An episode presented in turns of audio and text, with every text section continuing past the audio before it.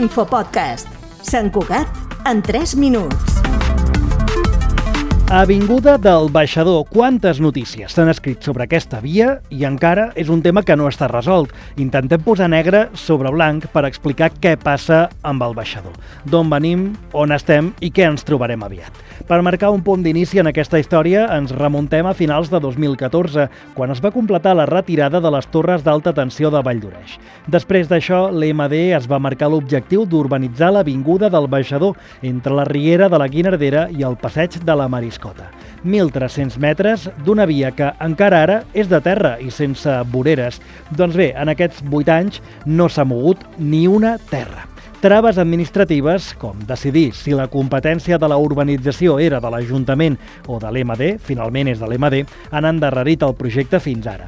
A més, la norantena de veïns d'aquesta via també han posat de manifest les seves reivindicacions, places d'aparcament, que no es converteixi en una via ràpida, reduir els costos al màxim. Són algunes de les reivindicacions que finalment el govern ha acceptat. Amb tot això pel camí s'han produït diverses aprovacions inicials, al·legacions i sol·licituds de deixar-lo sobre la taula.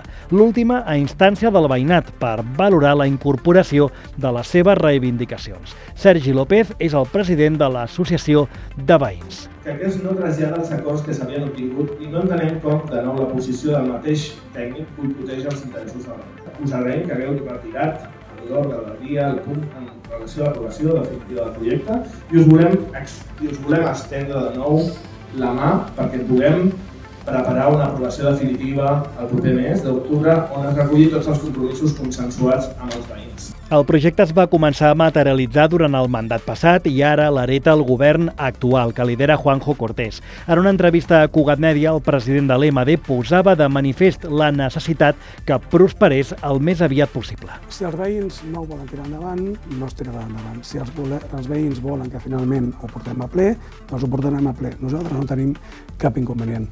No tenim cap posicionament ni en contra ni a favor estem a la fase final, tornar a la grella de sortida no pot ser. Hem d'acabar de, de, de rematar tota la tramitació d'aquest d'aquest projecte.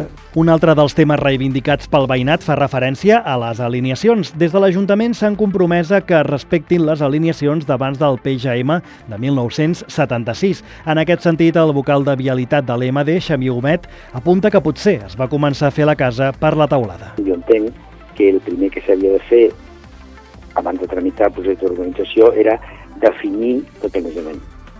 Si, si el planejament hagués estat definit, no haguéssim tingut els problemes que hem tingut.